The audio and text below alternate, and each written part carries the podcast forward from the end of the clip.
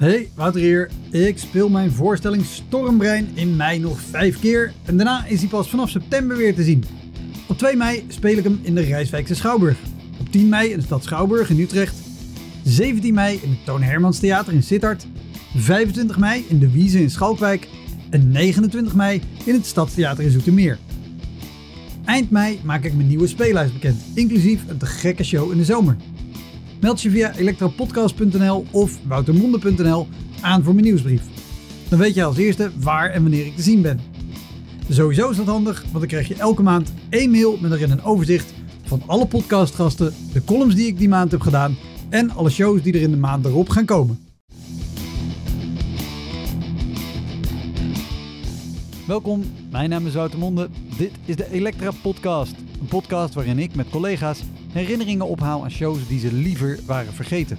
Genoemd naar het roemruchte jongerencentrum Elektra in Sliedrecht, dat ooit bekend stond als de comedy hell.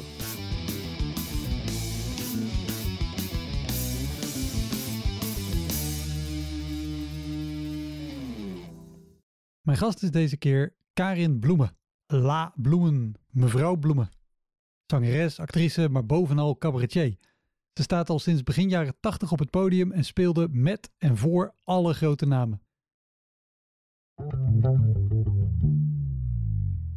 En die, die organisatie rent naar mij toe, blinde paniek. Nu! Ik zei, pardon? Ja, nu, want het valt stil. Want Freek had er, had een half uur moeten doen, maar die is na vijf minuten gestopt.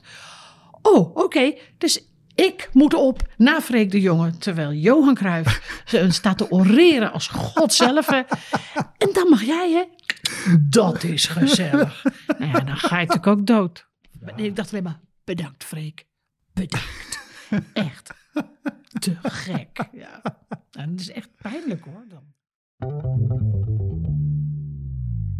Ik heb weer zo ongelooflijk hard moeten lachen tijdens deze opname. Als jij de aflevering zelfs maar half zo leuk vindt als ik, heb jij straks ook spierpijn in je kaken. Karin vertelde ook nog een anekdote over Herman Brood. Die staat als korte bonusaflevering klaar voor de crewmembers. Wil jij ook crewmember worden? Kijk dan op petje.af Elektra Podcast. Heel veel plezier. Dit is de Elektra Podcast met Karin Bloemen.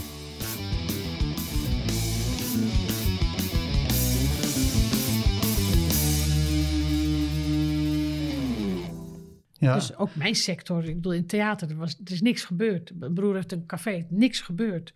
Hij speelt de hele avond politieagent, vindt hij niet leuk. Er is niks gebeurd. En dan juist, en dan zeggen ze, we moeten het samen dragen. Maar ik heb, eh, ik heb gewoon een jaar omzet eh, ben ik verloren. Oftewel, nog een half zo door en dan zijn we ook failliet. ja. Dat wordt mijn leukste sterke verhaal eh, van dit, eh, dit programma. Wat is uw sterke verhaal? Nou, ik voel me net een jazzartiest. En nog even doorsnobelen tot al het geld op is. Ja, nou ja, het, voor mij is het niet anders. Er is ook heel veel weggevallen. Wel, een leuke trouwens. Ehm, daarover gesproken, want we hebben dit seizoen twee keer hebben wij op eenzelfde avond gespeeld. Maar eh, zodanig ver uit elkaar dat we elkaar niet ontmoet hebben. Eh, de eerste was In Limburg en jij in Den Helder. ja, nee, nee, nee, nee. Eh, de eerste was een show voor Theater Thuis. Ja, ik weet met eh, Frits... Frits Sissing. Ja, inderdaad. En Harm Edens eh, was daar. Dat, dat was de eerste die ik weer deed na de lockdown. Met 30 man in de zaal waar er, waar er zeker 300 in kunnen. Ja. Die heb jij ook gedaan. Hm. Hoe, en en eh, later ook nog eentje recent in Veenendaal. Want die hadden een stream voor mensen Ja, ja, ja, thuis. met, met, ook, met ook geen mensen. met alleen maar wat medewerkers in de zaal. Want er, daar mocht ook al geen 30 man meer bij. Hoe, hoe, hoe vind jij deze shows? Hoe? Nee, maar weet je, ik, ik merk dat op het moment dat je gaat streamen en je hebt dus geen publiek voor je, dan moet je echt heel, heel erg sterk in je schoenen staan. Want je, bent, je voelt je zo'n loser dat je, je maakt een grapje. Niets. dus je denkt, ja, ah, fuck. En in je hoofd gaat er een soort mechaniekje namelijk werken van... dit is niet helemaal goed, dit is fout. En je weet gewoon, nee, dat komt omdat er zit ook niemand. Dus er kan ook niemand lachen. Dus je bent een heel gesprek, inter, jij het ook gehad Ja, hebben. ja, je hebt een intern gesprek en je probeert dat niet te laten zien. Ja. Dus, dus en het is bijna net als ik les geef, dan zeg ik ook altijd tegen mensen: straal. Weet je, en, en projecteer. Daar, carré. En, en, en maar je moet doorgaan. Door, ga door. Want als je het zonder publiek kan, dan kan je het ook met publiek. Ja. Dan wordt het makkelijker. Maar ik stond mijn eigen les te doen. En ik heb, ik heb echt eh, gestraald als een. eh, nou, echt iemand met een gebrek. Of met, hoe noem je dat? Dat je gewoon niet je bent niet helemaal goed in. Zo voelde het. Maar ja, dan hoop ik maar dat het werkt. En dan Ja. krijg ik reacties terug. Oh, wat heerlijk. En je stond te stralen. En ik werd er zo vrolijk van. En heerlijk, zoveel energie naar me toe. Ik denk, nou ja, dan heb ik het goed gedaan. Ja. Maar zelf, dus je, je interne stemmetje zegt... eh, Fuck you, bitch! ik vond het echt eh, fascinerend eh, lastig. Ja. ja, is het ook. En ik had, ik had zeker, en ik ben benieuwd of jij dat ook had. Bij die eerste show met, met maar 30 man. En zeker als het dan verplaatst is. Of shows waar de, de, de stoelen uit een zaal zijn gehaald. En is het zo geplaceerd Ja. dat het een volle zaal lijkt. Ja. En dan, als je dan een grap maakt. Je krijgt de reactie van een volle zaal. Maar je hoort bijna niks. Ja. En ik, dat, ik vond het zo'n rare vertaalslag naar... Oh ja, dit, dit is geen matige lach. Dit is de lach van een zaal die gevuld is met 30 mensen. En eruit ziet ja. als een... Ze hadden toch ook al die stoelen hadden ze met poppen erop. eh, was dat Veenendaal? Nee, dat niet. Maar ik, ik heb het inderdaad gezien in verschillende theaters dat dat... eh, Apeldoorn, Orpheus, zoiets zit. Vreselijk ook. Ja. Mijn man die stond ook te spelen en die dacht, zit die man zo gereinigd te kijken? Dus die, stond, die ging steeds meer zo. Dan zei ik, oh fuck, dat is ook zo'n kartonnen bord. dat, dat was eh, gewoon, gewoon een cabaretier die zo kijkt. En hij dacht alleen maar, what the fuck, weet je wel? Reageer eens. ja. Wat, wat voor wie er geen beeld bij heeft. jouw man is, is jouw gitarist ook. Zeg ik dat goed of niet? Ah nee, de Marnix, die, die, dat is zijn band. Dus Ja. de, de, de, old school band is zijn band. Hij is de gitarist en de componist van alle stukken. En we staan te spelen. En het, hoe heet hij dat ook weer? Die cabaretier Fischer. Bert Fischer. Visser, ja. Dus die, dus die zat gewoon heel bloedserieus eh, de hele tijd zagrijnig te kijken. Omdat het een foto was. Maar ze hadden foto's van, van, ja, cabaretiers dus op de stoelen gezet. Van, ja, dus een foto van Bert Visser, Brigitte Kaandorp, Guido Weijers. Ook van mijzelf. eh. Dus ik, ik stond al, want ik had een een geblokte jurk aan. Dus ik zag op die foto, dat ben ik. Weet je. Maar ja, ah man, het, is te- het ziet er leuk uit met licht aan. Maar als je staat te spelen, je wordt helemaal gek. Nou ja, dat de hele tijd. Ja. Nee, maar het is, het is absoluut. eh, eh, eigenlijk eh, voor, voor je zelfvertrouwen is het echt een challenge om, om het met streams te doen. Ja, Want ik kan niet eigenlijk, ik, bedoel, ik communiceer als ik speel. Ik moet altijd naar mensen kijken. Ik moet reageren op de energie die je krijgt. Dat geef je weer terug. Het is gewoon, het is gewoon een gesprek wat Ja. je hebt. Alleen, ik weet al wat ik ga zeggen, zij nog niet. Weet je, maar, maar dat is wel wat het is. Gewoon, het is communicatie. ja. En ja, je mist gewoon eh, eh, de communicatie. We hebben natuurlijk ook een paar keer gespeeld voor, eh, de anderhalve meter zalen. En dan bij die anderhalve meter was ik me heel erg bewust van dat als je een grapje maakt, dan hoor je achterin. En ik heb dus ook, dan zongen we twee nummers, speelden we twee nummers. En dan zei ik, dames en heren, u weet, wij gaan het niet hebben over corona. Het is een coronavrije avond. Want dat horen we al meer dan genoeg. Maar laten we afspreken dat als u dan gewoon denkt, oh, dat vind ik te gek. Gewoon keihard. Want dat vinden wij helemaal te gek. Dus laat je horen. Ja. En de eerste drie keer denk je, oh, ik ben de enige. Maar als u het maar doet, dan gaat de rest vanzelf mee. Dus naarmate de avond vorderde, werd het steeds joliger. En hoorde ik al, ja, woe, te gek. Weet je, gingen mensen echt wat zeggen om maar te laten horen dat ze er waren. En dat, Oh, is, he- en dat is echt heel fijn. Ja, ja, ja. Want niet alleen ik voel me gegeneerd, maar zo'n zaal ook. Ja, ja. Als je als enige wow roept en je denkt, oh fuck, ik was het. En iedereen kan zien dat ik het was. Je voelt je gewoon, je wilt graag opgenomen Ja, worden in en, het en geheel. zeker als je een grap maakt en, en jij bent eh, als publiek Ja, de enige of een van de weinigen die lacht, Ja. dan voel je dat er nou ja, 35 man of 50 man die denkt, oh, jij en vond dit wel Oh, grappig. jij vond dit wel leuk ook.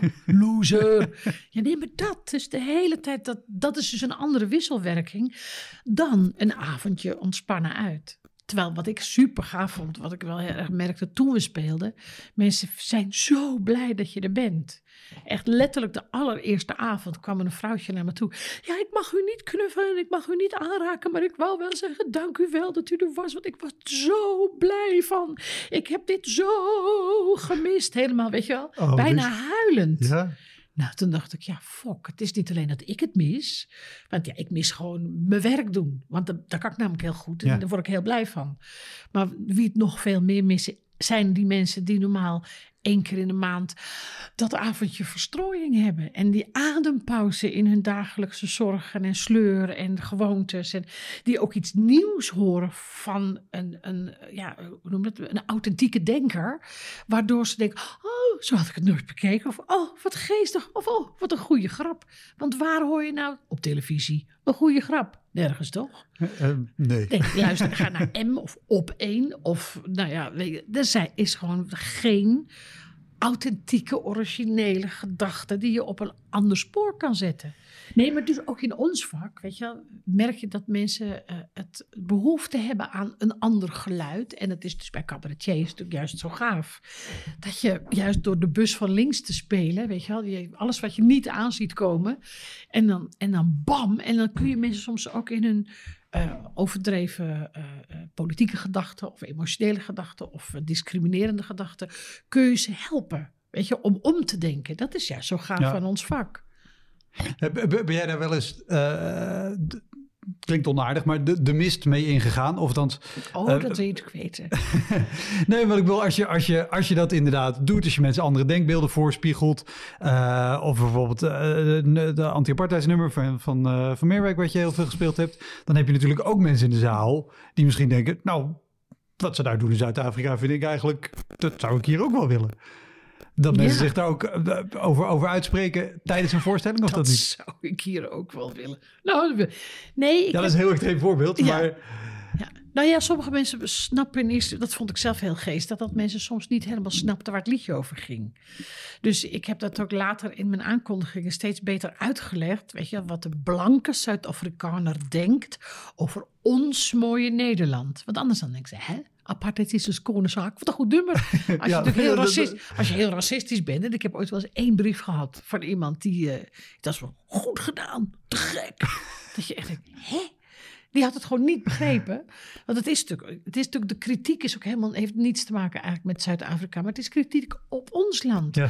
Wij, de bedweters en de moraalridders, die nog steeds zelf eh, nou niet bepaald bezig zijn met eh, eh, onze donkere medemensen een kans geven om bijvoorbeeld de politiek te bedrijven of enzovoort, enzovoort, enzovoort. En dat, dat kent het nu ook langzaam, wat super gaaf is, maar apartheid is een Nederlands woord, Ja. zeg ik dan altijd. Ja, ja, en dat is niet voor niks, hè. En dus er is nog een lange weg te gaan. En als mensen het verkeerd interpreteren, dan, dan ben ik zelf een soort. hè? Dan zit ik ook alleen maar. Wat? Hè? Hoe? Hoe kom je erbij? Iemand Ja. heeft me ooit een keer verweten dat ik het had over in, in de show. En dan praten we over. eh, nou, wat was het? eh, wanneer was die show? Heel lang geleden. Dus heb ik het woord neger eh, gebruikt. Nou, dat doe je nu niet meer. Dat is duidelijk. We hebben ook afgesproken met elkaar. Een beetje discriminerend. Het was natuurlijk in de jaren 70 en 80 en 90 was het gewoon nog een, een woord dat bestond. En ik dacht ook dat is niet erg, want het is het negroïde ras. Dus weet je wel. En, maar als dat geïnterpreteerd wordt als discriminatie, moeten we het gewoon niet doen. Ja. Maar in die show eh, was dat nog niet. Weet je, net zoals dat Zwarte Piet ooit nog niet een probleem was.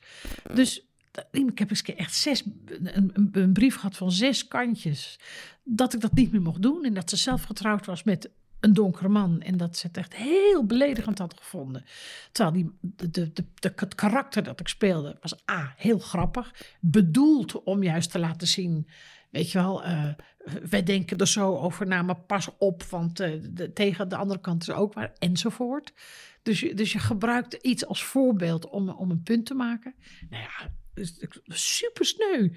Dus ik heb die vrouw ook teruggezegd met jeetje, wat naar dat, dat dat zo voelt. En als er iets niet de bedoeling is van mijn werk, is het wel dat ik dan dus een hele groep buiten de deur zet. Ja. Dat is een beetje, überhaupt een beetje raar en vind ik weer beledigend dat je dat van mij denkt. Want dat kan niet eens, weet je wel. Dat kan gewoon helemaal niet. Dat zit helemaal niet in mijn werk. Ik ben natuurlijk veel meer een emotioneel associatieve maker dan dat ik een maatschappijkritische, sociaal-maatschappelijk, eh, cultureel eh, politiek bewust wezen bent, want dat is niet. I tried, but no. Helaas. Hey, je hebt een heel lijstje. Ah, allee, als jij dan wil, dan kan ik Eh. natuurlijk... Oh, dat mag ook niet meer. Dan mijn dochter is namelijk het is zeer eh, correct. ik mag echt niemand meer nadoen. Daar komt het eigenlijk in het kort wel op neer. Dus eh, sinds kort doe ik haar na. nou nee, omdat je natuurlijk vroeg... eh, van heb je voorbeelden waar het fout ging? Of, Ja. Want wat is, eigenlijk, wat is eigenlijk je beste insteek eh, eh, waar, waarom je dit doet? Dat je denkt, ik wil graag horen, alleen maar dat ging er fout. Nou ja, vooral omdat ik de verhalen... Kijk, de, de verhalen dat het goed gaat, dat is natuurlijk fantastisch. Dat was En namelijk geweldig. Ja, En, en dat zijn mooi, maar daar zijn mooie registraties van en dat is allemaal prima. Maar het, wat ik zelf heel leuk vind, zijn natuurlijk de verhalen die, die eh, wij artiesten elkaar onderling backstage vertellen met... oh, ik was laatst daar en wat me daar gebeurde. Verschrikkelijk. Of ben je al in dat theater geweest? Nou, dat soort die vind ik heel leuk. En die wil, ik, die wil ik graag ook delen voor mensen. Nou ja, voordat we begonnen met opnemen hadden we het eh, kort over het Werftheater. En, en de kleedkamer daar achter het podium waar geen toilet is en alleen een emmer staat. Als jij daar in de zaal zit, dan weet je dat niet. Nee. Maar Ja. er zijn wel hele leuke verhalen over. Dus dat, dat, dat vind ik leuke verhalen om te delen. Dus vandaar dat ik bij iedereen lang ga met... Wat zijn je... Dat jij dit en ik gelijk, nee dus, dus nee. Oh, maar het, het, het mag alle kanten op gaan. Nee, joh, Sowieso- hebben... hebben, ik- maar ik heb, ik heb er ook nog één, die ga ik je dadelijk laten zien, want daar ben ik ook nog wel benieuwd naar. Dat is geen optreden van je, maar wel een, een verhaal wat eh, Richard vertelde, waar jij ook eh, in zit. Richard Groenendijk. Oh, dat heb je meegenomen. Ja. Of zullen we die nu gelijk doen? Ja, doe maar. Ik bedoel, eh, I'm here, I'm good. Want eh, hij vertelde het, maar ik ben ook heel benieuwd eh, Hoe ik het vertel. hoe, ja, nou ja, en, en, en hoe jij dat ervaren hebt. Dat ik alleen maar, nee, dat heeft hij gelogen. Nee, dat heeft hij ook gelogen. Nee, dat is echt gelogen. Nou, en dan stonden wij daar op dat toneel. En dan deden we om de beurt een zin. En dat ging heel snel. En dat deden we echt goed. En ehm, dan eh Karin natuurlijk helemaal op zijn Karins met een jurk van zes meter. En dan ik daarnaast. En, eh, nou, en dan zat er in die zaal zat, zat dus de crème de la crème van het Nederlands volk. Dus dan had je de voetballers, eh, de, de Connie Breukhovens, de, de, de, weet je... wat voor gelegenheid was Dat waren allemaal van die chique feesten. Ja. Dus dat was. Het, Ja, gewoon, vaak ja. al zijn het, zijn het veilingen. Weet je, het zijn vaak excuses om eh, gewoon de hele avond eh, met ons soort mensen bij elkaar te zitten. Want ik denk altijd, ja, als je het goede doel wil steunen, en steunen, dan geef je toch 2000 euro.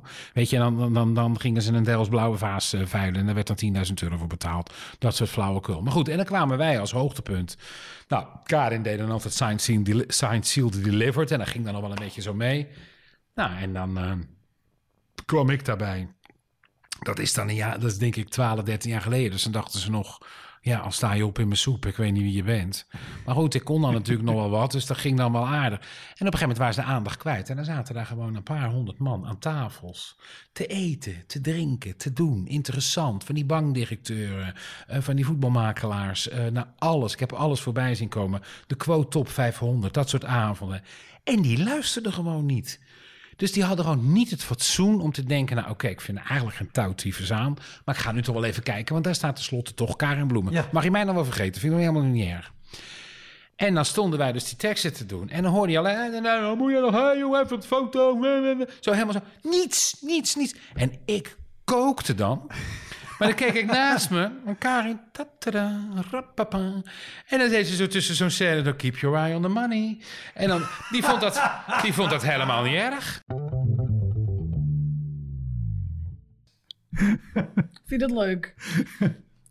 ja, ja, maar dat komt ook. Ik heb ooit geleerd van. eh, dan bij, ik heb bij het Noors Volkstheater gewerkt. En eh Het, het, het, het- sorry, het welk? Nois Volkstheater. Heb ik, eh, het tweede seizoen dat ik eh, professioneel speelde was een musical. Dat heette Hartje me maar. En daar stond ik met van die echte eh, oude rotten in het vak. Weet je, de gebroeders Hinrichs. Die natuurlijk de, de, de, de- weet je, de zoons waren van Beppie Nooy. En, weet je, en, en Harry Frey. En allemaal van die heel oude, doorgewinterde spelers. En die vertelde ook dat Beppie Nooy altijd zei... lachen naar je brood. Weet je, want, want vaak... Wat een goede uitdrukking. Dat is echt geweldig. Want dan stonden ze, dus dat kwam omdat ze dan stonden ze met buigen, waren ze al bezig met weggaan. Dus zegt ja, dank u wel en weg. En Beppie had er iets van lachen naar je brood. Dank u wel. En dan en volhouden tot het eind. Kom op, het is je vreten. Ja. Dus je, ja, het is, eh, I het is zo'n hele mooie Engelse uitdrukking. I cried all the way to the Zit te bank. Ja. En dat is een beetje hetzelfde principe natuurlijk. Dus ik vind zo'n galenavond helemaal niet erg als mensen dan zitten te kletsen. Ik denk die mensen die zitten daar, die hebben heel veel geld betaald voor zo'n tafel. Die mogen doen wat zij willen dat ze willen doen. Want het is hun tijd, hun geld, hun avond. En als ze niet leuk vinden wat ik doe, dan oké, prima. En dan maak ik het af. Ik zeg dank u wel. En dan ga ik weer. What's the, what's the big deal? Het geeft er niks. Ik denk dat their loss, want het was namelijk best leuk. En Ja. best heel erg... eh, maar dat, het geeft gewoon niks. Ik doe het altijd voor die twee mensen die wel kijken.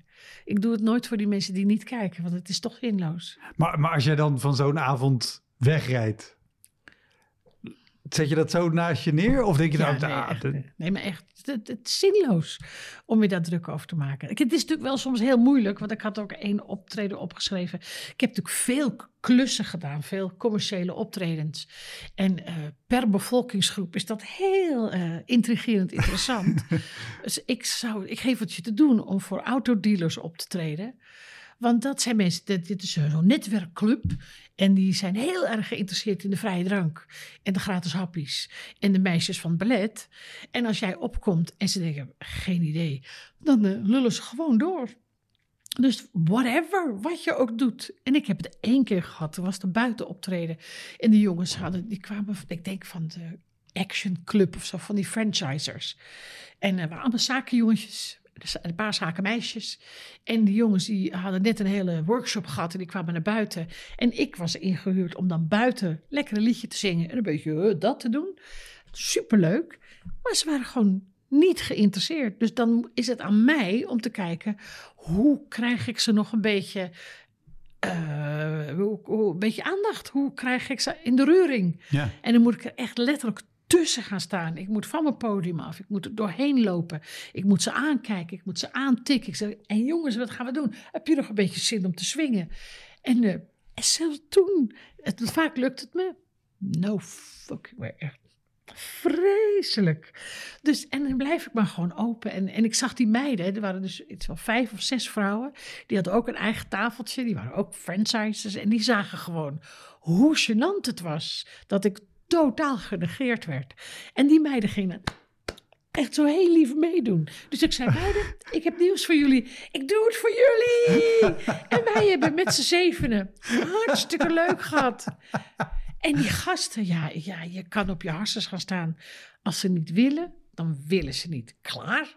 Dan Maar- is het gewoon klaar. Maar Hoe dan?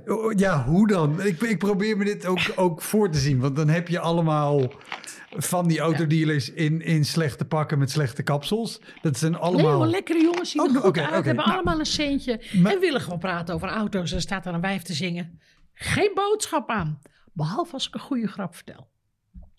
Dus als ik een schunnige grap of een, een clue waarvan ze zeggen, hè? En Het is echt lekker. Op het moment dat je roept neuken, dan hè? hè? Dan opeens heb nee, maar het is echt te lullig om te zeggen, maar het is echt waar. En ik heb bijvoorbeeld één eh conferentietje, dat is, eh, dan doe ik kootrapje. Dus dan draai dus het, sprookje van roodkapje, maar dan draai ik alles om. Dus kootrapje liep te landelen in het botergronkere doors. En daar in het botergronkere doors kwam ze opeens de woze bolf tegen. En, en dan zie je ze denken, nou, nou, nou, nou, eh, nou, wat, wat, wat, wat? Dus dan doe ik iets wat zij niet kunnen. En wat ze ook niet snel kunnen reproduceren of begrijpen. En dan heb ik opeens de aandacht. Dus dan zegt en dan denk ik, oh fuck dat. En dan heb ik een heel leuk grapje op het eind, weet je wel. Dus dan, en weer door. En dan zijn ze weer weg. En dan ben ik ze weer kwijt. Dus het is of gore grap, of het is eh, iets, iets moeilijks, wat ze niet... Ja. Maar, maar- en voor de rest, eh, nee. Maar als ze dronken zijn, is het überhaupt vreselijk.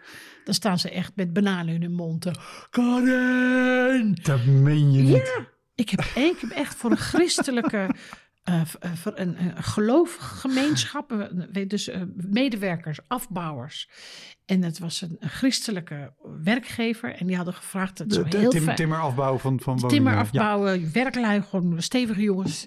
En of ik alsjeblieft niet jeetje, jeetje, mine, Jezus Christus, of sowieso natuurlijk vloeken, uit den boze. Dus ik Ja. heb echt Ik dacht echt, niet doen, Karin. Dus eh, wat fijn dat jullie er allemaal, elk, elk woord wat je dan uitspreekt, denk ik, "Mm, niet doen. Maar ik, normaal vloek ik ook niet, dus het is heus niet, heus niet een ramp niet. Nee, maar als je erop moet letten, Maar als je dan... erop moet letten, word je er heel bewust van wat je wel zegt. Want jeetje, micreetje is al te erg. Dus ik doe dat en ik sta lekker te zingen en het praatje tussendoor. Niemand. En die, en die afbouwers, die stonden met die bananen. Die hadden het dessertmenu gevonden en die dachten, dat is lachen. En dan sta je dus zelf de beschaving zelf te spelen. Terwijl zij echt als stel randebielen voor je staan. En het werd nog erger. Want ik moest ook nog aankondigen dat Hans Klok kwam toveren. En Hansje Klok die had niet het podium. Maar die stond eigenlijk zo op anderhalve meter afstand op een kleine verhoging. Nou. En die jongens, ik weet hoe het werkt, lul! En die gingen echt op hem af. En dus, dus de paniek werd steeds groter. Dus Hans Klok, die, bij zijn vierde act dacht hij, en dit is wel klaar. Jongens! En toen leefde zijn vader nog. Die hebben met een noodgang alles van het podium afgetrokken. Want alles werd opgepakt en er werd gooien. En het was, Nee. ja, alles ging fout. Dus die stonden met de noodgang de auto in te laden. En terwijl hij de auto stond vol te proppen bij de artiesteningang. En ik al met mijn koffertje met een jurk probeerde die troep erin te proppen. Zagen wij de afbouwers knokkend met bebloede koppen naar buiten rollen. Want die waren elkaar gewoon lekker in elkaar aan het rossen. Het is feestje, verdomme dat. Niet zo hard lachen, het is echt heel erg. Tja, dus dan denk ik, amen, dacht ik alleen maar. Thank you. Dus het, het verkeerd, het kan alle kanten op schieten. Dus als je jaar in, ja, ik doe het al vanaf, me, vanaf 1987 denk ik, commerciële optredens. Nou, je, je maakt alles gewoon een keer mee. Ik heb ook een keer voor eh, de- een rijke meneer met 13 vrienden. En dan stond ik in het midden en, en dan in een boog 14 stoelen. En die zaten allemaal gewoon aan de whisky met een sigaartje. En ik mocht gewoon dan, I'm entertaining.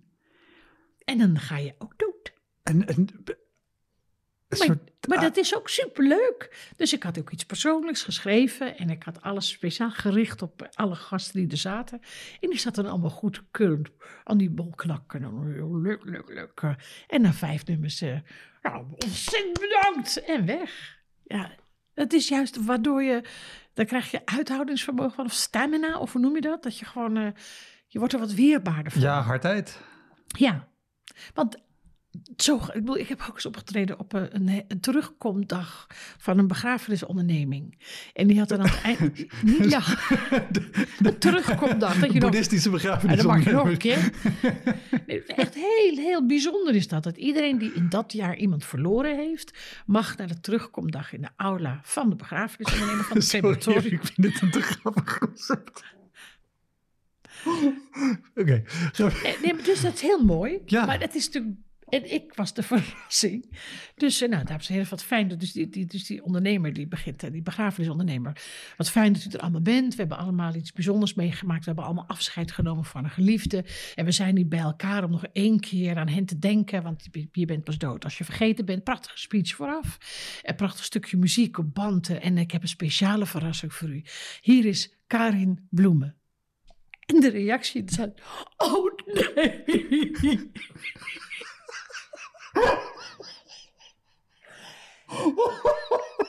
Door een mannetje of veertig. dat meen niet. Ja, want die herinneren gewoon geen kind meer. En hun moeder. En dat mijn stem op die Ja. Dus die denken, oh nee. Meteen. Bingo. Ja, ja, ja. En dan moet je op. Oh. En dan, eh, dan sterf je zelf natuurlijk ook een heel klein beetje in de aula. maar ook weer heel mooi. Want ja, die mensen, blijkbaar hebben ze zo'n pure emotie bij mijn stem, bij dat liedje, bij mijn performance. Maar ik kan me voorstellen dat die mensen bijvoorbeeld niet meer naar een show van mij gaan. Want het eerste wat ik, waar ik ze mee associeer is het verlies van hun moeder. Ja, Dus handig is anders. En als dat, dat is gek. En wel super gaaf, maar ook heel gek. Ja oké. maar maar eh, geruststellen dan dat, dat de oh nee. Ik, ik, Oh, nee. ik interpreteerde hem als oh nee, Karin Bloemen, daar hebben we geen trek in. Maar dat was veel meer de oh nee, gewoon Oh, daar zat je alle lachen, ja, ja. emoties alle emoties gaan door die mensen heen. En de oh nee is gewoon, eh, oh dit is te veel. En, en, en oh nee interpreteerde ik natuurlijk ook heel even als, ah fuck heb je haar. Weet je Ja. wel, je, dat is wat je denkt. Nee, het was dat andere. Maar opkomen en met die reactie is niet het grootste feest van En, de hele en, en, wereld. en hoeveel, hoeveel nummers heb je voor die mensen gespeeld? Nee, dus ik deed eh, dan twee liedjes en dan ging ik weer af en dan kwam ik weer terug en dan weer twee liedjes en dan weer af en dan kwam ik op het eind nog twee liedjes. En dan had ik een keer had ik die. eh, dus mijn, maar mijn publiek huilt eh, dan heel veel. Ik heb het ook eens een keer gehad op een verjaardag. Iemand werd 50, groot feest, veel te veel. Lekker centje hadden die mensen, heerlijk. Echt 100, 100 150 gasten. Echt super georganiseerd. Met tenten en vreten en drinken en een band. En ik sta op de bühne en die dochters van haar hadden gezegd... eh, lekker feesten! Nou, gek. En toen kwam de jarige Job op me en zei... Oh, zou je voor mij alsjeblieft geen kind meer willen zingen? En dan denk je... "Eh, dat is niet Dat een is feestliedje. dat is niet een feestliedje. dus eh, weet je het zeker, lieve schat? Want er zijn een heleboel mensen die hun moeder kwijt zijn. En dat, dat is, dan slaat wel de sfeer een beetje om. Nee, maar alsjeblieft voor mij. Ja, de jarige Job. Dan zeg je geen nee. Nee. Dus ik zing dat liedje. Al die prachtige vrouwen met gale jurken en juwelen en diamanten en, en allemaal... stonden er 15 te huilen. En wat moet ik... Wat, ik kan er niks aan doen. Dat is gewoon wat dat liedje met je doet. Ja. Dat is, ik, je kan het ook... eh, je het ook draaien, dan heeft het bijna hetzelfde effect. Maar omdat ik het speciaal verhaalde. En zij moest natuurlijk huilen. En die, en die dochters woedend op mij. Want het was bedoeling dat het feest was. Ja, daar, ik had geen keuze. Vindt hij leuk hoor. Nee, maar goed, ik heb dus... eh, ja. Maar ja, dat soort... Dus ook bijvoorbeeld... Ik, het, het, het leukste verhaal vind ik zelf ook... eh, De, het optreden op, eh, op de middenstip van de meer. Bij eh, het, het vaarwel van... Het, het oude Het Ajax-stadion. oude Ajax-stadion. En hadden ze een tent gezet over de middenstip op het veld. Mijn broer was mee, alleen maar omdat hij één keer de middenstip wilde kussen. Te schattig. En, die, en weet je, dat was ja, zo zoet is dat. En eh, die hele tent stond vol met spelers. En eh, alle bobo's. En natuurlijk Johan Cruijff. En voor mij was een heel programma met... eh, en, en letterlijk voor mij was Freek de Jonge. Dus ik kwam, daar, ik kwam altijd een uurtje op, de, op tijd. Dus ik hoorde al, weet je, groezemoes. En ah, ah, ah. Er was al een volkszanger geweest. die, "Ah, Weet je, dat, ah, allemaal leuk. en en ik, ik keek om het hoekje en toen zag ik al dat Johan Cruijff stond in een hoek met alle jongspelers om hem heen. Want hij vertelde me, joh, eh, het is, logisch of niet logisch, of wel logisch. Hij had een goed verhaal en de jongens hingen echt letterlijk aan zijn lippen. Ja. Weet je, God spreekt. En terecht. Je bent want- voetballer en het is Johan Cruijff. 50 punten aan allebei de kanten. Snap je? Dus Ja. het is heel simpel.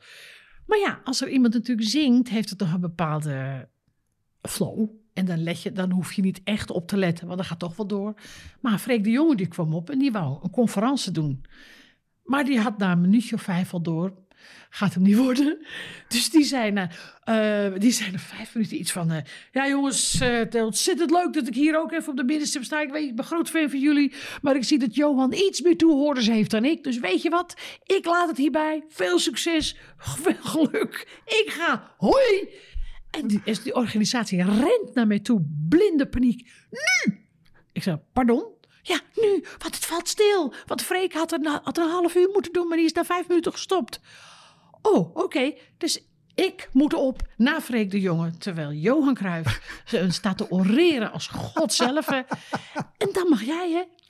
Dat is gezellig. Nou ja, dan ga je natuurlijk ook dood.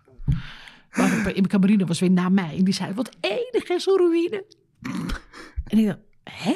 En toen nog nadenken ook, hè? Ze bedoelde reunie, foutje. Oh. Maar het, de mazzel is natuurlijk van mij, omdat ik weer met muziek werk. En omdat ik weer een grote jurk en een grote blonde kop en lekkere tieten. Ik denk dat ik daardoor nog een soort van, kreeg ik ze wel weer een soort van mee. Weet je wel? En ik ben dan zo, ik ga er gewoon tussen staan. Als ik zie dat Johan staat te praten met al die jonge knullen en geen aandacht heeft voor mij, dan loop ik naar Johan. En zeg, Johan, te gek. En dan heb ik even, weet je wel, dan kan ik het eventueel kenteren en keren. Ja. Maar het is wel dodelijk. Ja. Nee, ik dacht alleen maar, bedankt Freek. Bedankt. Echt. Te gek. Ja. Hoi, Wouter hier. Luister je vaker Elektra? Dan is het een goed idee om crewmember te worden. Je doneert dan automatisch elke maand een klein bedrag. En in ruil daarvoor krijg je extra afleveringen, consumptiebonnen om in te wisselen als je eens live bij mij komt kijken. En je krijgt een unieke link waarmee je voortaan de podcast luistert zonder dat ik halverwege onderbreek om te vragen of je crewmember wil worden. Zoals nu. Dus, word crewmember. Dat kan al vanaf 1 euro per maand. In de omschrijving van deze aflevering vind je een linkje voor meer informatie. Oké, snel weer terug. Nou, dat is echt pijnlijk hoor dan. Toen kon je dat doen, toen was je ook al Karin Bloemen qua naam, zeg maar. Oh, ja, ja, ja oké. maar- Nee, maar als je, als je een ik heb lijn... er allemaal opgetreden, dat is wel zo. Ik bedoel, je, staat, je staat niet eh, tussen Freek de Jonge en Imka Marina... omdat ze denken, die hebben we ergens gezien. Dat is een leuk talentje. Nee, nee, nee, dat klopt. Ik heb ook op het afscheid van Louis van Gaal gezongen. En op het afscheid van Fred Grim. En ik heb op het huwelijk gezongen van Etty van der Sar. En van oh, Ronald de Boer. En op het huwelijk van Frank Rijkaard. En op het feest van Frank Rijkaard. En op het verjaardag van Frank Rijkaard. Dus, dus het, het is echt superleuk. En ik kende die jongens. Dus dat, dat maakt ook wel een groot verschil. Ja, Super gaaf. maar, maar wat ik vooral wilde vragen... Zoals opschep had je doen. ik ken ze. Ga heel door. goed, heel goed.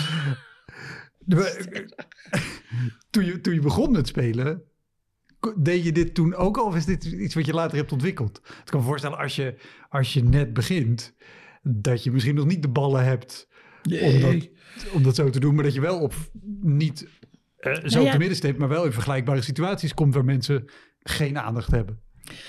Nee, maar ik, heb, ik ben he- eh, helaas en gelukkig, dat werkt twee kanten op. eh, ik, ik ben geboren onder het sterrenbeeld overschatting. Dus ik, eh, ik denk altijd, nou zo erg kan het toch niet zijn. En daar heb ik ook soms, ben ik ook gigantisch mee op mijn bek gegaan in mijn leven. Dat je echt, oh ja, zo erg kan het wel zijn. Foutje. Weet je wel, weet je, willen skiën terwijl je het niet kunt, dat is, dat is een dingetje. Omdat ik denk, nou, hè, pff, Hoe moeilijk kan het of, zijn? eh, ja, op spitsen dansen. Hoe moeilijk kan... Dat is heel moeilijk. Dus sommige dingen is echt stom. Maar bij dat soort dingen had ik altijd een soort van... eh nou, zien we wel. Het is toch gewoon een liedje zingen? Het is gewoon mijn vak doen. En Ja. dan, ik heb vak geleerd en dan kan ik het hier, kan ik het daar.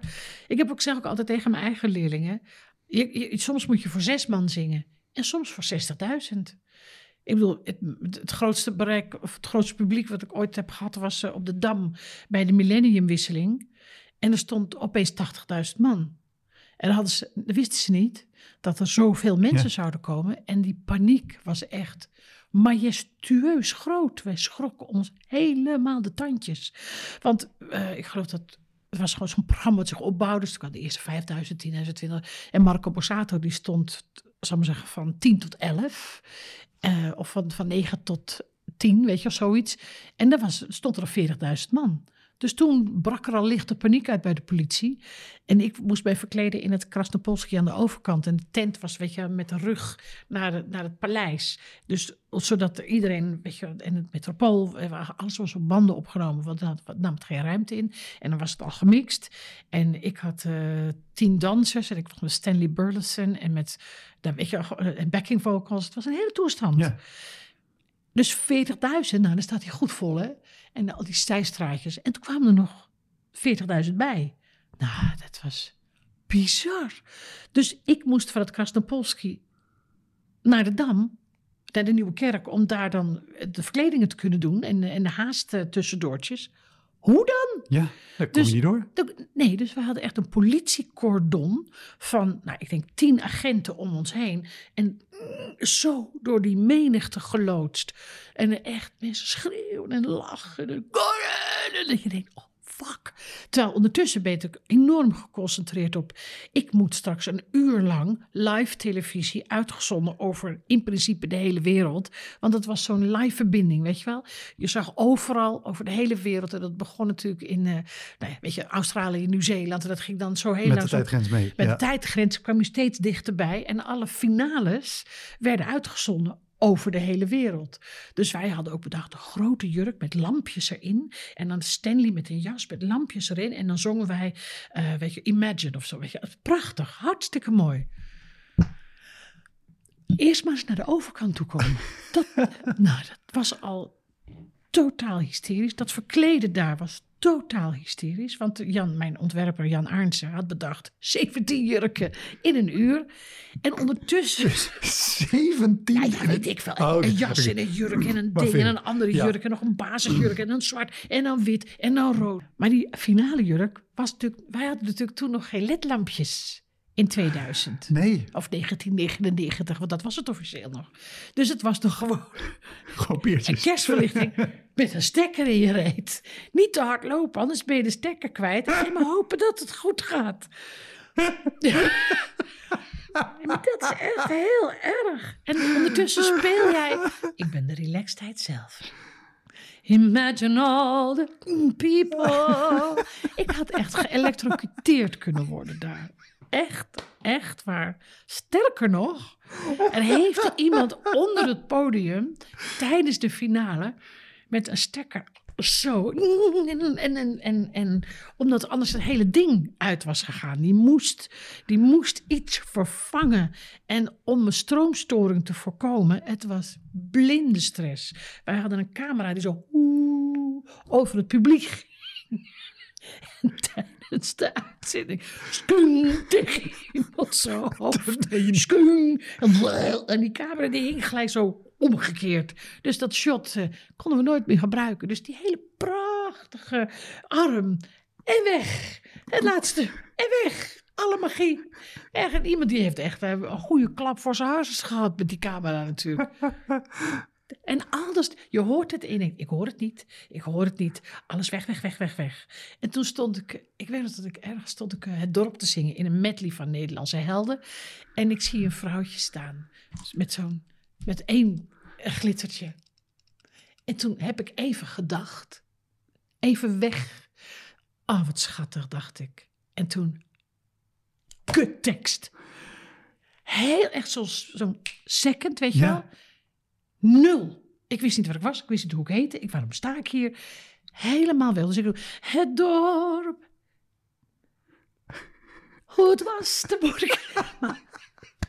En als je goed kijkt, ergens in het nummer, je, je moet, en mijn man zag het meteen. En die dacht ook, oh fuck, daar ga je. dan dat het nooit voorbij zou gaan.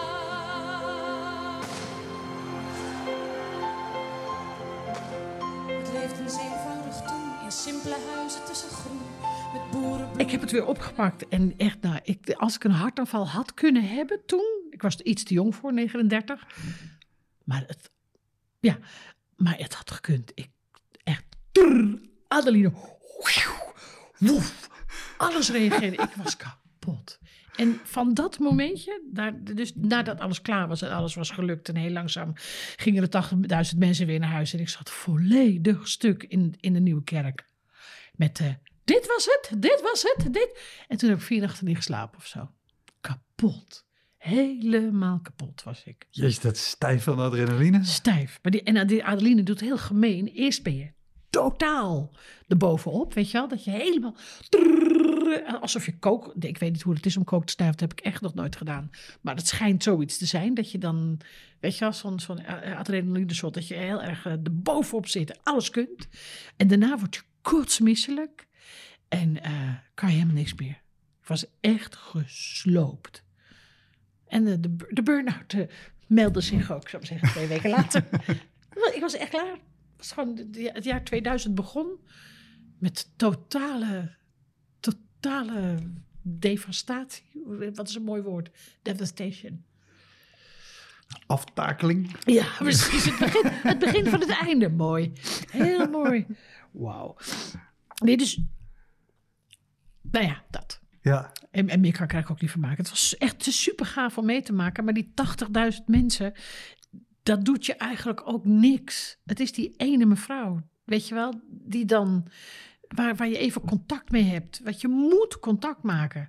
En dat is ook meteen het gevaar. Weet je, op dat soort hele belangrijke momenten. Waar als je weet dat gewoon de hele wereld meekijkt.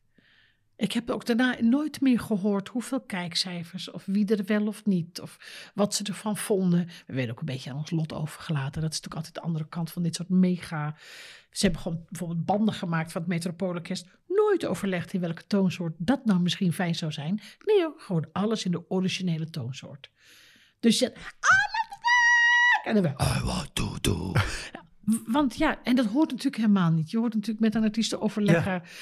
Wat gaan we doen en hoe lang is dit en red je dat? En, eh, maar er was geen tijd voor. Het was, het was gewoon. Een, millennium was een haastklus. Bizar. Ja, maar niemand zag het aankomen natuurlijk. dat snap Dat ik wel. We zagen het niet aankomen. Nee, maar het was natuurlijk heel gaaf dat ze deden. En ik vond het een waanzinnige eer dat ik dat mocht doen. En dat ik op televisie was op het moment dat we de millenniumwisseling maakten. Dat vond ik echt super gaaf. Maar ik had natuurlijk nog veel meer en anders. En ik, ja, je, je eigen fantasie gaat natuurlijk ook op hol. En blijkbaar kan dat niet. Nee. En ze hebben het echt goed gedaan hoor. Ik bedoel, en wat er allemaal stond daar. Maar hoe, hoe, hoe, hoe is dan de, de aanloop er naartoe qua, qua zenuwen? Omdat het zo'n groot... Ja, het is alleen maar gewoon. eh het, gebo- het geboorte, mijn geboorteteken. eh Overschatting. totale over- en onderschatting inmiddels. eh, maakt dat je dan denkt dat je dat kan. Dus ik had geen zenuwen. Ik was alleen maar. Oh, gaaf. Oh, leuk. Dan doe jij dit dan doe ik dat. Dan ga je dat dan doe ik die jurk. En, en iedereen ging zo snel aan de gang. En Stan natuurlijk met zetten en dansen en dat. En, en Jan Aarnsen met al die kleding en al die omverwisselingen. Ik stond echt, want die mensen weten dat natuurlijk niet. Je komt op in een jurk. Altijd totaal relaxed. Maar in de coulissen is het! En dan is het scheuren van je lijf. Trek die troep aan. En op. En rustig blijven. Dus die gekte, ik heb echt de ritsen kapot gerukt. Als het niet lukt, dan uit als een soort leeuwin die een Ja. konijn verscheurt, weet je wel. Maar dat zien mensen niet. Mensen Nee. zien alleen de voorkant. Ja. En in een achterkant natuurlijk niks. Nee, dat, dat bedoel ik qua, qua hoe, hoe, hoe is de opbouw er naartoe? Wat ik meer wilde vragen is misschien de rust die je uitstraalt en die je uit moet stralen Ja. hierbij. Maar ook bij een lege zaal met alleen maar een camera die misschien naar duizend en misschien naar tien mensen streamt. Ja. Waar, waar haal jij het in jezelf vandaan om gewoon zo te stralen en, en zo relaxed te lijken voor de buitenkant? Tegelijk. Nee, omdat ik altijd denk, net zoals toen, aan die ene mevrouw. Die ene mevrouw met dat bloemetje dat gewoon zo staat te kijken. Oh, wat mooi. Dat is de mevrouw waar je het voor doet.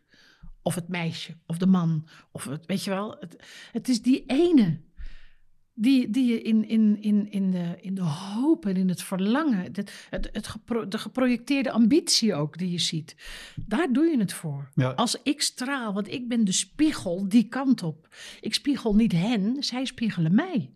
Dus als ik straal, stralen zij. Als ik lach, lachen zij. Als ik iets zie, dan zien zij het. Dus ik moet toveren. Ik ben, ik ben eh, nou, de, de Harry Potter van, weet je, van mijn eigen show. Ik moet schilderen en, en de fantasie laten werken. En dan, gaan zij het zien. En dan zijn ze dus even weg uit hun zorgen, en uit hun zorgen, en uit hun sleuren, en uit hun gedachtenbogen. En als ik dan de bus van links binnen laat komen met een goede grap, dan heb ik, dan heb ik ze in de zin van, dan zijn ze er. Dan zijn ze geland in de wereld van de fantasie, in Ja. de illusie. Het is illusie. Want aan de zijkant zie je, weet je wel, dat. Pruik, hoed, jas. Ik, ik gaf echt commando's. Dat was echt, eh, ik heb het er nog wel over met Jan Aarntsen, zijn zus die toen hielp eh, in de... Nou, dat was gewoon bizar. Jij dat stond alleen maar jas, sjaal, broek, ding, bril, nu, lopen. En echt als, als, een, als een legercommandant. Om dan daarna, weet je, volledig in overgave en liefde en compassie dat te kunnen toveren. Daar gaat het Ja, om. geweldig. Alles staat dan in dienst van dat. En dat is dus bij een camera precies hetzelfde. Als ik ingezakt eh, zo een liedje ga staan zingen. Wie wordt daar nou blij van? Geen Nee, ja, mens. niemand. Nee. Ja, misschien een heel depressief iemand denkt, oh, zo voel ik me ook.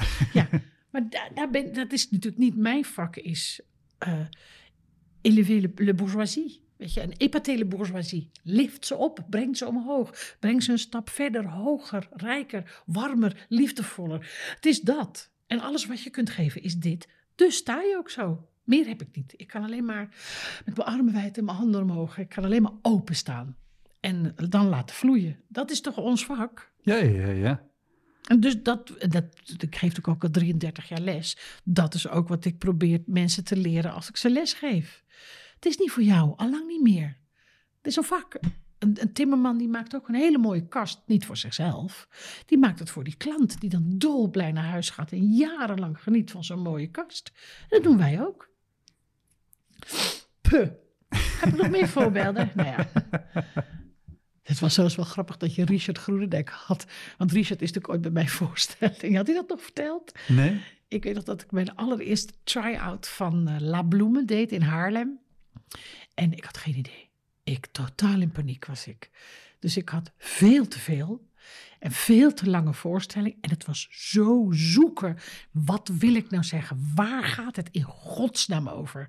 Allemaal leuke ideeën, mooie nummers, waanzinnige kostuums, waanzinnige dansers. Weet je, Stanley Burleson, Perry Dossett, Mon Désir Bonzouzi.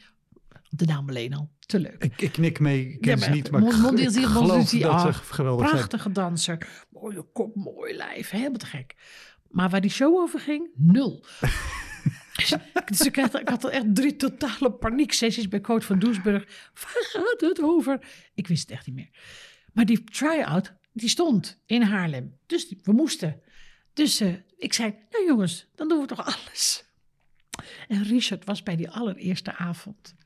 En die duurde tot kwart voor twaalf. Dus wij begonnen om eh, acht uur. Dus het was van acht uur tot half tien. En van eh, kwart en van tien voor eh, tien tot kwart voor twaalf.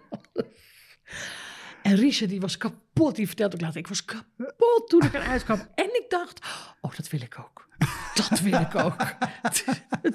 Vind ik echt zo mooi. Dat was, het was eigenlijk voor hem, eh, weet je, de, de, de ommekeer naar, oh mag ik dit ook gaan doen? Dit vind ik helemaal te leuk. Dus dat is eigenlijk ook wel weer heel grappig. Oh, wat goed. Zo hebben onze paden ons, eh, zich ooit gekruist. Oh, wat grappig. En toen ik hem, eh, ik zou maar zeggen, tien jaar later of zo les ging geven. Weet je, en, en ik mocht helpen bij zijn shows en coachen. Het- ik- Toen vertelde hij dat verhaal. Was ik echt weer helemaal trots op hem. Ik dacht, ja, het is toch te geestig. Wat zo'n paniek, jezus. Maar, maar weet je nog hoe die, hoe die avond überhaupt was? Anders dan voor Richard, die, Ja, die dacht, dit wil ik ook. Maar je had ook een zaal dacht- nee, ook- mensen die niet Richard waren. Die Ja, sommige dachten, dit is een hele lange tweede helft. Ja, die ging om kwart over elf weg. Die dacht, ik ben er nou echt helemaal klaar mee. Maar de rest bleef toch zitten. En ik was na die avond euforisch. Omdat ik toen voor het eerst voelde wat ik stond te doen. Want ik ben echt een doener. Dus ik, moet, ik heb die zaal nodig om tegenaan te spelen. Zodat ik in de reactie... Oh, dat werkt wel. Ik bedacht gewoon af en toe... Ik bedacht een doofstomme prinses. En in de repetitieruimte, ja, lachte mijn lichtman en mijn geluidsman en eh, mijn eigen man een beetje giechelen, weet je wel. Maar ja, dat was het. Ja. Weet je, mijn band eh, pff, gaat ze weer. dus het werkt pas op het moment dat je, een- weet je gewoon zes of achthonderd man hebt die daar enorm op reageren. En dan weet je, oh, daar zit mijn wisselgeld. Oh, dus dat moet ik uitbouwen, dat moet ik uitbouwen. En dan weet ik weer wat ik moet doen. Gewoon door het gedaan te hebben. Dus ik was euforisch blij. En toen moest ik de avond daarna naar Baren. Dat ging niet zo goed. Dat was afschuwelijk. Dus alles wat je op je intuïtie en je theatrale talent doet, de eerste avond, ging zo mis, die tweede avond. Het was, alles was weer weg. Vreselijk. En daar hebben we ook een recensie van gekregen. Dat was leuk. Oh, fijn. ja, dat is altijd leuk. Dat is altijd heel sympathiek als eh, journalisten denken: weet je wat, die naai ik. Dus wij kregen de meest afschuwelijke recensie ever. En eh, Maar ook een recensie van een try-out. van de Dryer, de tweede. Schandalig. En ik, en ik las die recensie en toen dacht ik, krijg toch de tyfus. Dit, ja, gaat hier zo'n spijt van krijgen. Dat is het enige wat ik dacht, ja, gaat hier zo'n spijt van krijgen. En toen hebben we in nog, ik denk, 15 voorstellingen die show gewoon helemaal goed gemaakt. Dat er, dat er in dat op, dat daar, dat zo en die. En opeens had ik hem. Ik had hem echt, letterlijk. En toen we de première deden en de eerste recensies kwamen binnen, waren we een hit. En er stonden letterlijk, eh, eh, weet je, voorbij de schaamte. Karin Bloemen, weergeloos goed. Joop van den Ende natuurlijk net Cyrano eh, in New York. weet je, de koningin. En de ontroonde koning is Joop. En de koningin is Karin Bloemen. En de- dus waanzinnig. Dus Ja. wij gingen echt naar de smoes aan met... Dan vierde je gewoon je, je, je recensies, weet je, met z'n allen. Ik zei, jongens, we gaan hier op zuipen. Dit is helemaal te gek. En, en die ene recensie uit Baren, wat vroeger was het heel normaal. En dan maakte je een hele grote poster met alle recensies eh, ge- gescheurd, geknipt, schattig. Ja. eh, en dus een prachtige. En, en die ene van Baarn, die heb ik ertussen laten staan. ik denk, dat is ook een recensie. En het was de gemeenste uit mijn hele carrière, zo'n beetje. Weet je Maar nog wat ze ja, weet je, liefdeloos, zinloos. Dat, ik zou hem weer op moeten zoeken, want dat Ja. weet ik echt niet meer. Maar gewoon dat het niet goed was, een on oncoherente, een incoherente samenstelling van onzin. En eh, nou, het was echt heel onaardig. Ja. Echt. En weet je ook nog wat, wat, er, wat er misging die avond? Dat het, dat het zo'n verschil was met de avond ervoor? Nou, wat er voornamelijk misgaat, is dat op het moment dat je wilt herhalen wat je op je intuïtie goed doet, ja, dan, dan gaat het hem niet worden. Die intuïtie is natuurlijk ook een uniek ding in je systeem. Dus je moet elke keer weer opnieuw als een zen-boeddhist in het nu zijn. En nooit willen herhalen wat ooit was. Want dat, dat kan niet. Ja. Het blijft nu. Het blijft, elk liedje wat je zingt is nu. En dat is een verhaal, nu, aan jou. En als je dat eh, wilt herhalen wat je gisteren zo goed deed, dan is het echt gedoemd te mislukken. Dus dat doe ik sindsdien, doe ik dat ook niet meer. Ik denk, elke, elke avond is dus voor mij een andere avond. Terwijl het publiek dan denkt, dat moet toch ook moeilijk zijn, altijd hetzelfde? En dan denk ik, nee, het is elke avond anders. Je timing, je gevoel, je inzicht, de reacties, je adem, je, alles, alles is anders. Alleen toevallig de woordjes zijn hetzelfde. Maar niet jij, want Ja. ik ben ook elke avond anders. En dat maakt dat de magie altijd kan blijven als je maar durft te vertrouwen op je theatrale intuïtie. Op je, en op je vakmanschap. Als je vijf keer per week hebt, dus die voorstelling La, Bloemen, 220 keer gespeeld, vijf keer per week. In En- één seizoen? Eh, nee, Nee, dat zou niet in één seizoen passen. Nee, maar, dat, zou, dat kan niet. Dat kan niet. Maar één, één seizoen en een reprise dan. En ja, één seizoen en een maar dat is reprise. alsnog Maar gewoon, heel veel. ja. En, het, en we hadden première. Nou, dat weet ik ook al niet eens meer. Al die data ben ik vergeten. Ja. Maar gewoon vijf keer per week. Allemaal one-nighters. Dus echt van Den Helder naar Vlissingen. Van Vlissingen naar Maastricht. Van Maastricht naar Delfzijl. Van Delfzijl weer terug naar... Het ging alle kanten weer helemaal gek. Maar ja, toen was het nog eh, weinig files. Dus als je om half vijf de bus in ging, was het prima. Te leuke club mensen. Met en muzikanten. En de dansers. En de lichtcrew. En iedereen die eromheen hing. We hadden echt een goede club. Dus het was een gouden tijd. En ik was kapot omdat het echt heel zwaar was. Maar die voorstelling zelf. oh, dan gingen we weer de lucht in. Wee! En dan eh 220. Bizar. Ja? Ja, echt bizar. Maar goed, ik weet niet waarom ik dit vertel. Dat is opscheppen, sorry. nee, eigenlijk zijn mijn leukste verhalen. Als ik eh, nadenk over. Dat is eigenlijk optreden in het buitenland. Vertel. Nou moet je luisteren, ik ben ook in het buitenland. Mijn hobby was eh, om, eh, om voor de Nederlandse mensen in het buitenland op te treden. En eh, dat is natuurlijk altijd een hele leuke combinatie, omdat je dan zelf wat ziet van het buitenland. Dus je bent echt, echt een lekker weekje weg. En zij zijn, zij, bent echt hun gast, dus ze vangen je ook echt heel lief op en verzorgen je met eh, de- eten, drinken, wonen, slapen. Weet je, en af en toe nog een rondleidingje en uh, superleuk.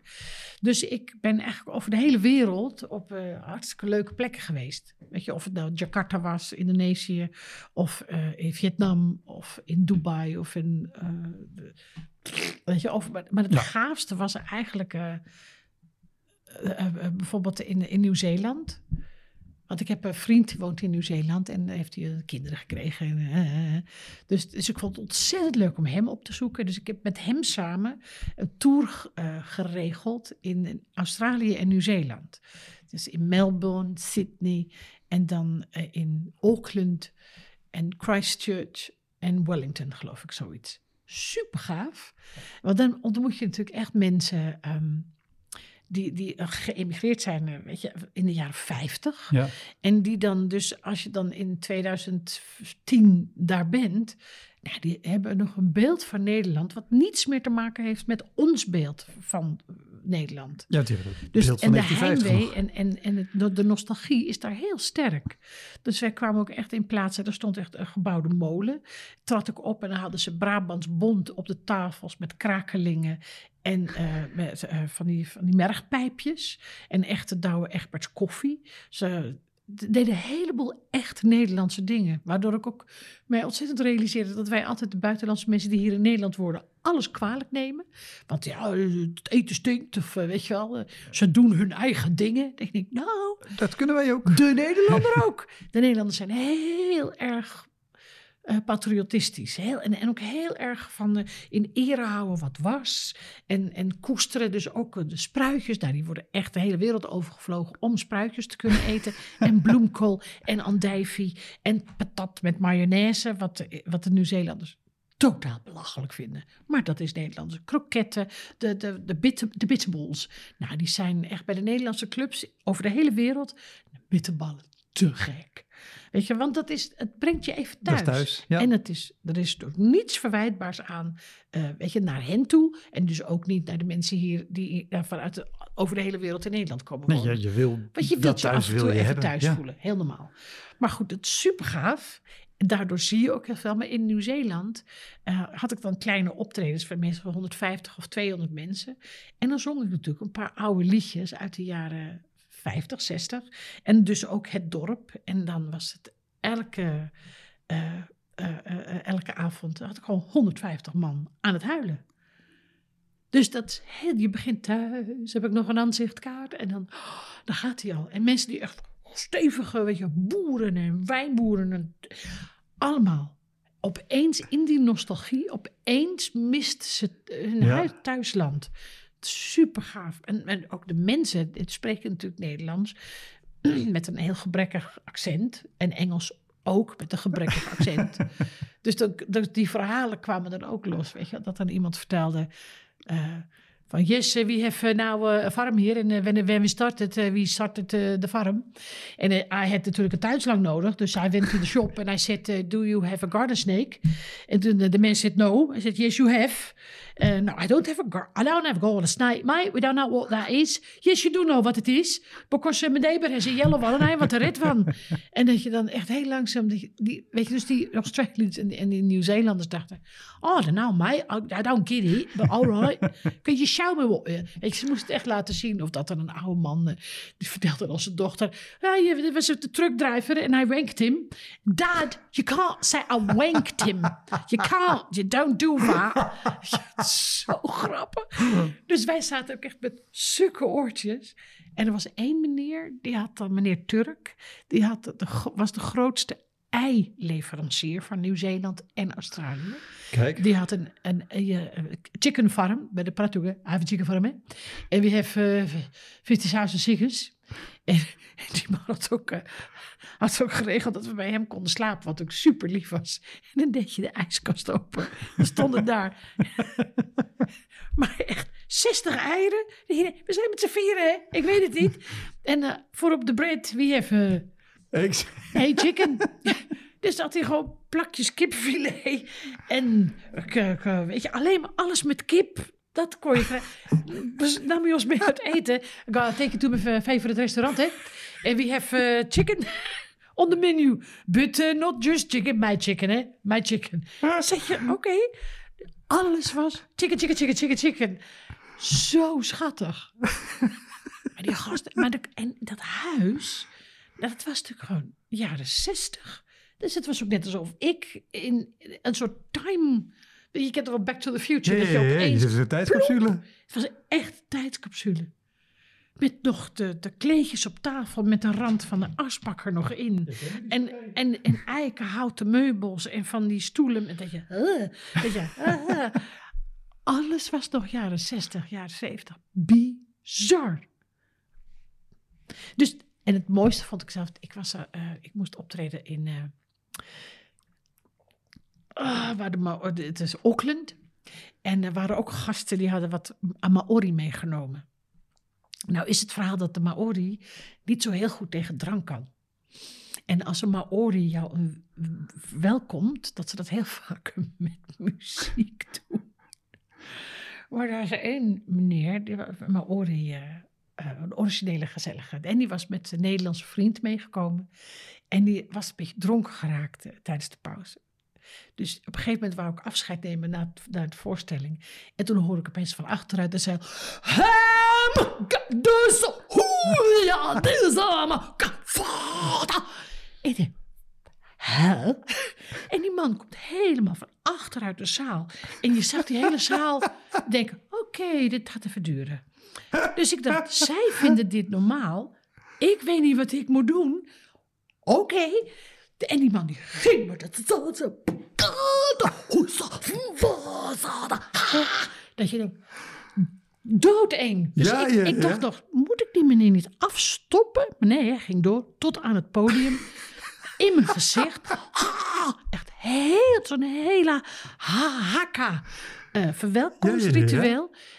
Om mij welkom te heten. En ik, zag, hartstikke lief. en ik wou ingrijpen. En dan zag ik iemand in de zaal. Weet je, niet doen. Weet je, echt laten gaan. Niet doen, niet interrumperen. Achteraf hoorde ik dat is dus heel beledigend voor een Maori als je hem afstopt in ja. zijn ritueel. Dus niet doen. En ik wist, ik, dat duurde wel echt wel, nou, tien minuten. Het ging maar door. En,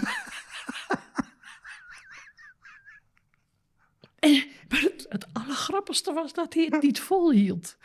Dus, dus het was, hij stikte.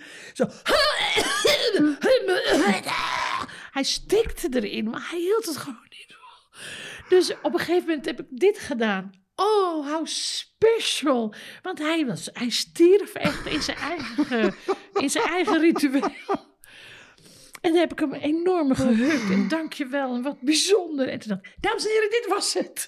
Weet je wel, thank you, thank you, thank you. Zo. ge- En dan, mijn man, die kwam niet meer bij van het lachen. Ook omdat het zo bijzonder was en doodeng. Ja. Want je weet echt niet wat je gebeurt als iemand dat doet. Het is zo heftig als ik het nu doe. Was het ook Ik, echt? ik heb ook het idee dat, dat dit... Zo'n hakka is al heel intimiderend als het een groep is. Maar als dat één iemand is...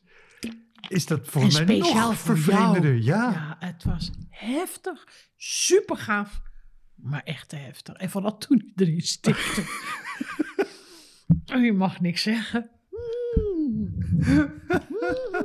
Nee, je wordt echt, eh, je wordt echt getest. Maar dat, dat zijn ook... Ik denk altijd, oh, was er maar een camera geweest. Oh, had ik dit maar gefilmd. Ja, ja, ja, ja. Had ik maar gewoon iemand. We hebben natuurlijk de zes foto's. Want ja, daar ben je helemaal niet. Ik ben er nooit mee bezig, weet je wel. Om, Nee. te, om te registreren wat je doet.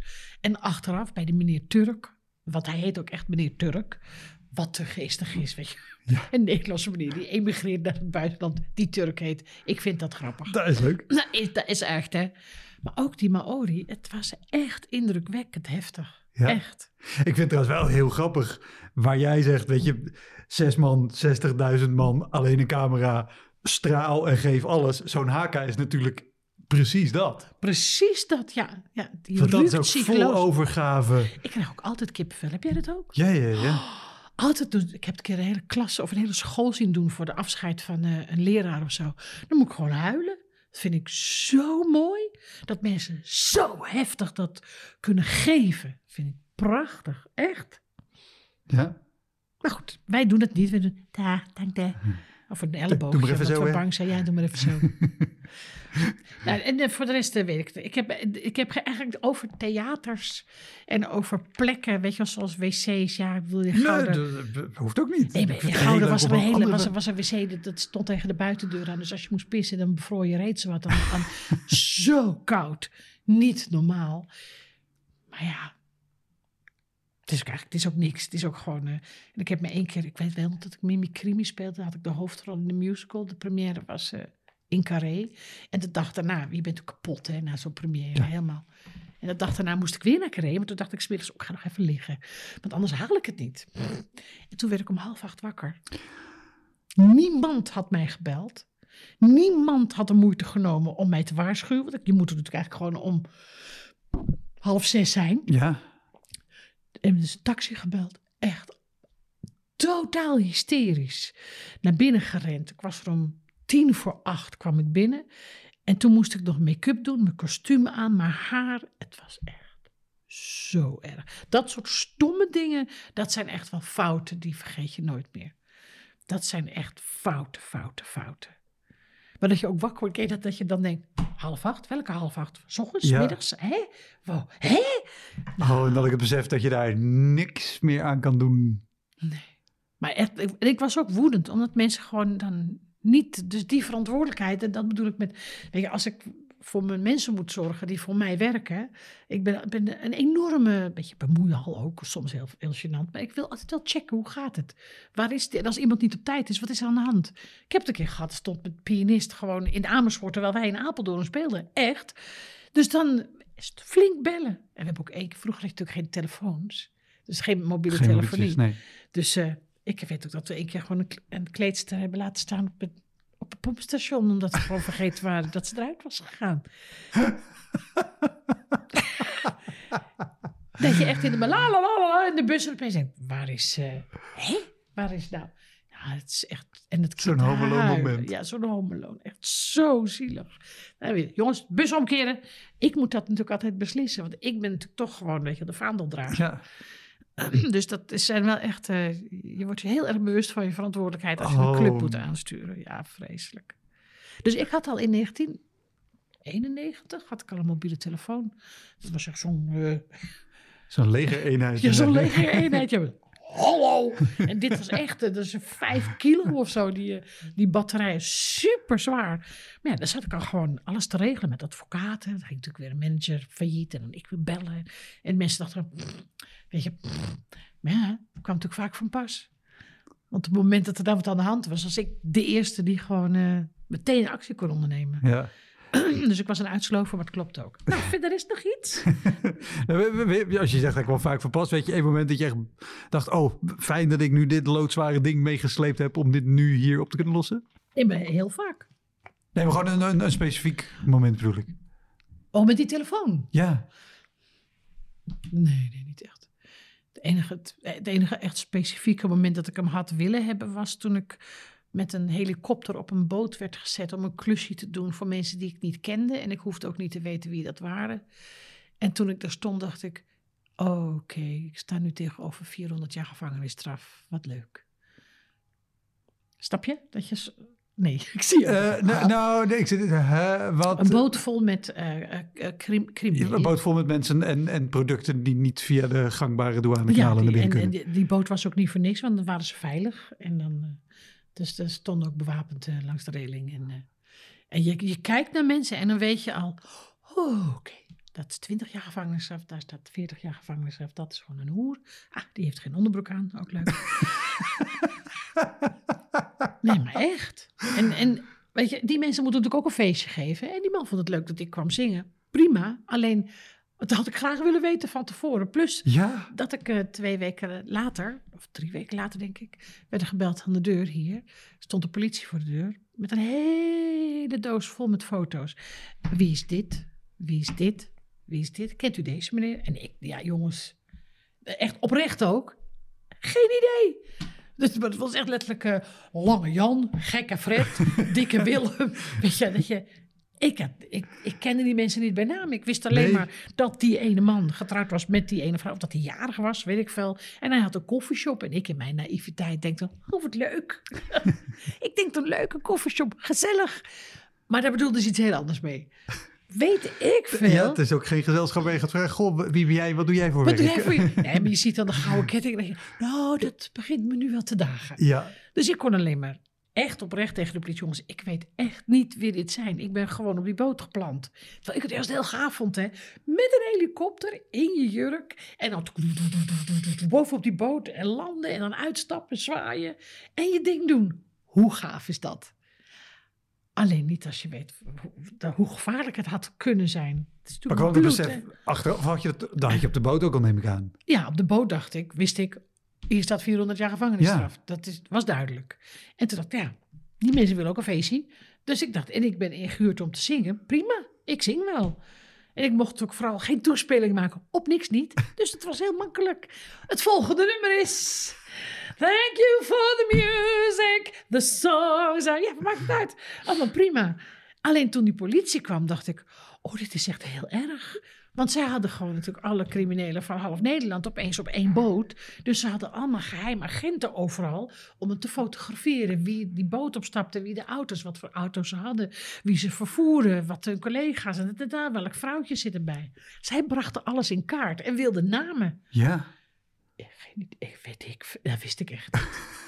ik, ik heb erbij nog gezegd, oh die mevrouw had geen onderbroek. Laat maar. Dat, echt, dat is natuurlijk ook totaal niet belangrijk. Maar het is echt, eh, dat, dus daar moet je toch weer, ja, je moet toch oppassen. Ja. Het, Het klinkt, het klinkt doodeng. ja, niet op het moment zelf, maar achteraf. En dan slaap ik ook in twee nachten heel slecht. Omdat ik denk, stel je voor dat rivaliserende bedden dacht... ze zit op één boot, weet je wat, dan blaas ik even die boot op. Ja. Ja, dat is doodeng. Nou ja, dan heb ik wel zo'n beetje... Ja, weet je, voor de rest... eh, het is altijd, er gebeurt namelijk heel veel in een mensenleven. En tegelijkertijd, ja, het schiet ook voorbij. Ja. Het schiet voorbij. 37 jaar werk ik nu. Afgelopen jaar was eh, mijn 38ste jaar. Nou, heb ik gewoon niet gewerkt. Hoe mooi is dat? Ook lekker sabbatical.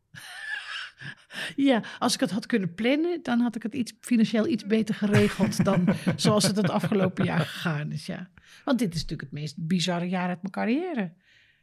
Ik werk vanaf 1983 fulltime en in principe 200 keer per jaar sta ik ergens te zingen, te performen, te presenteren eh, in de radio, televisie, Ja. maakt allemaal niet uit, film. Ik heb eh, films gedaan die niet genoemd hoeven te worden, want zo geweldig. ik, ik heb zelfs naaktsscènes gespeeld met Jeroen Krabbe. Hoe grappig is dat? Eh, Zoek het maar op. Ik plaats een linkje. ik zeg, ik plaats een linkje erbij. Je plaatst een linkje. Ja, dat, dat was zo. Ik weet het ook weer? Oh ja, The Shadow Man. Dat was de... Piotr Andreev was de regisseur. En het was de bedoeling dat je dan je afvroeg... wie is dan de Shadow Man? Het eerste shot, de film begint... en je ziet meteen wie het is. En toen wist ik al, dit gaat hem niet worden. Echt. Op het moment dat de hoofdpersoon doodging, applaudisseerde de zaal. Nou, dan ben je toch klaar, hè? God. Het is een beetje een slechte voorstelling van Anne Frank... en dat de hele zaal roept, daar achter die kast, daar zit ze. Omdat je er vanaf wilt zijn, weet je wel. Het kan echt niet. Nee. Ik, ik wil afsluiten met eh, samenwerken met André van Duin. Dat is namelijk echt best wel heel bijzonder. André is echt een groot komiek. Ja? En het geheim van de Smit zit hem eigenlijk in hoe die... Nou, dus onze lieve Corrie, God heb haar ziel...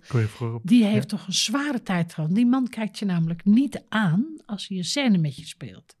Ik moest allemaal scènes spelen en ik denk, wat doet hij nou? Maar hij kijkt dus naar je voorhoofd. Dus hij schiet nooit in de lach, want hij kijkt gewoon alleen maar naar je voorhoofd. Maar in, op camera zie je Ja. dat niet. In theater zie je het niet. En hij kan dus, he can keep his focus, want hij kijkt gewoon naar je voorhoofd. En jij denkt, kut, waarom kijkt ze me niet aan? Sorry, dames en heren. Toch? Dit is contact en dit is controle. Ja, Dus hij heeft nooit ergens last van. wat slim. Super slim, hè? Dus als je ooit denkt, ik wil niet in de lach schieten. Ik ben vaak in de lach geschoten. Zeker met Adelheid Rozen en Purper. En het was echt de pisslag hebben we gehad. Dus geeft allemaal niks. Maar dit is de truc. Ja, Daar, ben ik wel benieuwd, want dit, dit kwam ter sprake met... was het laatste, hè? Wat ik Ja, ja, eigenlijk ja, zei. ja, Oké, ja. nee, nee. Dat... Nee, ik, ik, ben hier wel benieuwd naar. Dit kwam te sprake met Rob Schepers, eh, eh, Tom Prater uit Eindhoven. Die had op een gegeven moment in een van zijn, van zijn sketches een ding dat hij ook altijd zogenaamd in de lach schoot. Hij zei, ja, natuurlijk schoot ik elke avond op hetzelfde punt in de lach, Ja. omdat ik me zogenaamd versprak of weet ik wat. En toen zei hij, dus, ik ben nu altijd aan het twijfelen of dat bij André van Duin oprecht was dat de medespelers in de lach schoten, of dat hij daadwerkelijk zo goed was om iedereen elke avond te laten te fucken.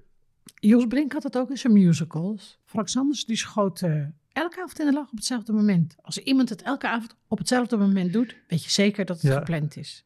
En dat is ook een, en het is een Feydeau-truc. Weet je, Feydeau was natuurlijk ook het theater van de lach. Eh, de deur gaat open, de deur gaat dicht, de deur gaat open, de deur gaat dicht. Iemand rent weg, er komt er net iemand binnen. Het is de, het, de verrassing en de slappe lach hoort er bijna bij. Het is allemaal gepland. Ja. Ook bij André van Duin. Het is altijd gewoon gepland. Dat, je krijgt het niet voor elkaar om dat voor elke avond En heel soms eh, ik bedoel, heb ik het wel eens, maar, maar je wilt het niet. En, en dat niet willen, dan, dan weet je ook dat het echt is. Want Ja. dan gaan mensen namelijk hakkelen en sorry zeggen. En oh, wat erg. Sorry, sorry, sorry. En dan, dan, je weet heus wel wanneer iets echt is of niet. Maar als mensen zich om gaan draaien, rugzaal, dan weet je bingo. Dat is gewoon allemaal gepland, allemaal nep. Zo Ja. ook acteren tenslotte. Ja, ja. Het, het- het- is een stijl van Het acteren. theater. Het is theaterarts. Ja, zo hoort het ook. Maar ik heb wel zo hard moeten lachen. Ik weet nog toen met mijn, met mijn jubileumshow, toen kwam Gerard Joling op met een dienblad. En dan speelde ik de kroeg. eh, en dan 40 jaar na dato, oftewel dan was Gerard helemaal kaal. Dus we hadden een kaal pruikje voor hem geregeld. Nou, hij lag al helemaal in de piskreukels. Maar ik had dat pruikje niet gezien. Ik zag het pas toen hij opkwam. Ja. Ik had wel dat dingetje zo gezien, weet je, in je hand, maar niet op zijn kop. Dus hij komt erop en hij doet, weet je, dit is de bekende Gerard Joling look. Ik piste meteen in mijn ja, broek van het ik, lachen. ik heb het, het fragment op je Insta voorbij zien komen. Je ziet aan alles, dat is niet geacteerd. Oh, en, maar- en ik dacht, dacht hoe, hoe, de- de- ik denk toen, hoe moet ik nou door? hoe moet ik nou door? En hij, die kop van hem, die, dat genot, Ja, ja, ja. dat hij met tuk had. eh, Het spat er aan alle kanten vanaf. Het is heel mooi om te zien. Echt, ja. Maar we hebben dat natuurlijk ook maar twee keer in het carré carré voor publiek gedaan. En dan twee keer, weet je, op het smiddags eh, repeteren, s'avonds spelen. Smiddags repeteren voor camera, s'avonds spelen. Echt dodelijk. Dus je bent en te moe en te gefocust. En je krijgt een slappe lach. Slechtste combinatie ever. Ik werd er wel heel gelukkig van. Het ziet er te gek uit. Ja, maar al het andere is gepland, getimed, afgesproken. Nee, hier lach jij. Echt waar? Ja, dat moet even. God, dit, dat soort gesprekken heb je. Mensen willen het niet. Ik heb precies hetzelfde gehad dat ik in de zaal zat. Dat ik zat ik naast Albert Verlinde bij Jos Brink. En ik moest lachen. Nou, wat zeg wat erg, hij schiet in de lach.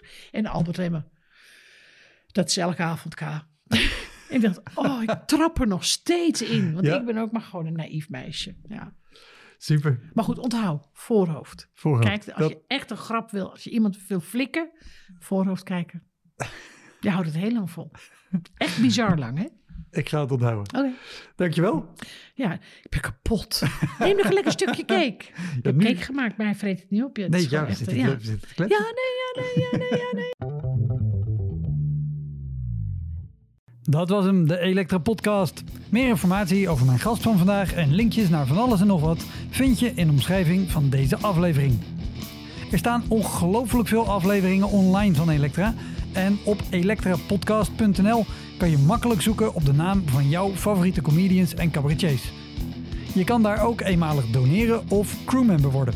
Als crewmember betaal je maandelijks een klein bedrag, maar dan krijg je ook nog eens bonusmateriaal. Je luistert voortaan zonder onderbrekingen en je krijgt consumptiebonnen die je kan inleveren bij een show van mij.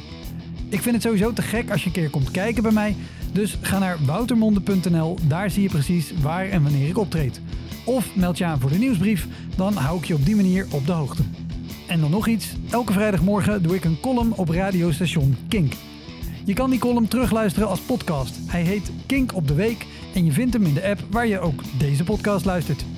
Oké, tot de volgende Elektra. Hoi!